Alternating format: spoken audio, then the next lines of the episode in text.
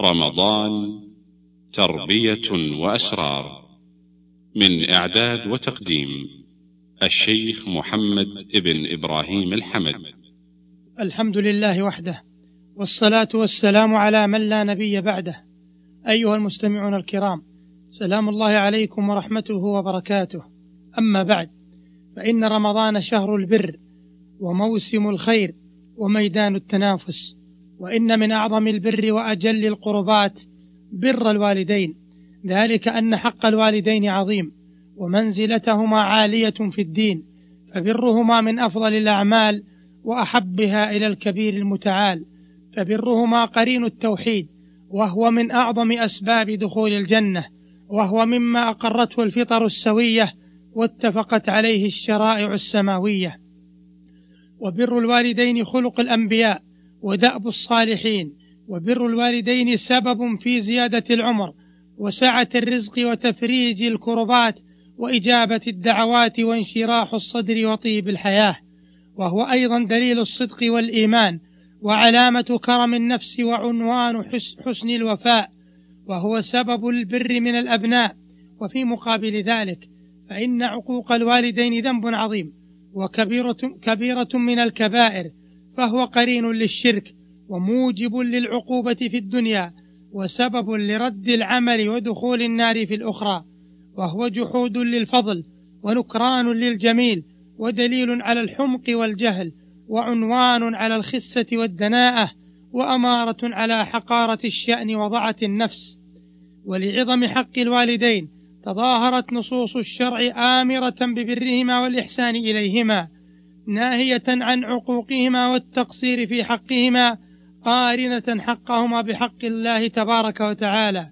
قال الله عز وجل واعبدوا الله ولا تشركوا به شيئا وبالوالدين إحسانا وقال قل تعالوا أتل ما حرم ربكم عليكم ألا تشركوا به شيئا وبالوالدين إحسانا وقال وقضى ربك ألا تعبدوا إلا إياه وبالوالدين إحسانا إما يبلغن عندك الكبر أحدهما أو كلاهما فلا تقل لهما أف ولا تنهرهما وقل لهما قولا كريما واخفض لهما جناح الذل من الرحمة وقل رب ارحمهما كما ربياني صغيرا.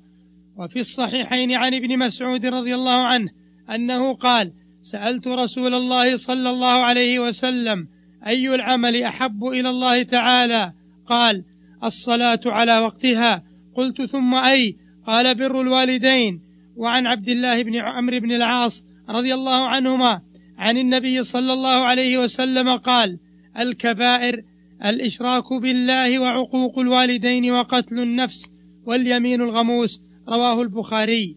ومع تلك المكانة العظيمة للوالدين إلا أننا نرى, عقو نرى عقوقهما قد تفشى وأخذ صورا عديدة. ومظاهر شتى فمن ذلك إبكاؤهما وتحزينهما ونهرهما وزجرهما والتأفف والتضجر من أواره أوامرهما والعبوس وتقطيب الجبين أمامهما ومن صور العقوق احتقار الوالدين والنظر إليهما شزرا والإشاحة بالوجه عنهما إذا تحدثا وقلة الاعتداد برأيهما وإثارة المشكلات أمامهما.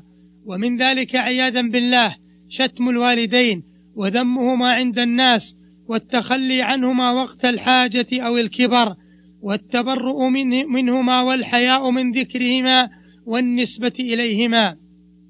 ومن صور العقوق الإثقال على الوالدين بكثرة الطلبات والمكث طويلا خارج المنزل ساعة إلى ساعات متأخرة من الليل أو النوم خارج المنزل دون علم الوالدين بمكان الولد. ومن صور العقوق المتناهية في القبح لعن الوالدين والتعدي عليهما بالضرب وإيداعهم دور العجزة والملاحظة. ومن صور العقوق هجر الوالدين والبخل عليهما وترك نصحهما والسرقة من أموالهما والأنين وإظهار التوجع أمامهما. ومن أقبح صور العقوق إن لم تكن أقبحها تمني زوال الوالدين وقتلهما والتخلص منه منهما إما رغبة في الميراث أو رغبة في التحرر من أوامر الوالدين. فلا فيا لشؤم هذا ويا لسواد وجهه ويا لسوء مصيره إن لم يتداركه الله برحمته. هذه بعض صور العقوق وتلك بعض مظاهره فما أبعد الخير عن عاق والديه. وما أقرب العقوبة منه وما أسرع الشر إليه وهذا أمر مشاهد محسوس يعرفه كثير من الناس ويرون بأم أعينهم ويسمعون قصصا متواترة لأناس خذلوا وعوقبوا بسبب عقوقهم لوالديهم. قال الأصمعي أخبرني بعض العرب أن رجلا كان في زمن عبد الملك بن مروان وكان له أب كبير وكان الشاب عاقا بأبيه وكان يقال للشاب منازل. فقال الأب الشيخ الكبير جزت رحم بيني وبين منازل جزاء كما يستنجز الدين طالبه. تربت حتى صار جعدا شمردلا. إذا قام ساوى غارب الفحل غاربه. تظلمني مالي كذا ولوى يدي لوايده الله الذي لا يغالبه. وإني لداع دعوة لو دعوتها على جبل الريان لانهد جانبه فبلغ ذلك أميرا كان عليهم فأرسل إلى الفتى ليأخذه فقال أبوه الشيخ أخرج من خلف البيت فسبق رسل الأمير ثم ابتلي الفتى بابن عقه في آخر حياته فقال تظلمني مالي خليج وعقني على حين كانت كالحني عظامي تخيرته وازددته ليزيدني وما بعض ما يزداد غير عرامي.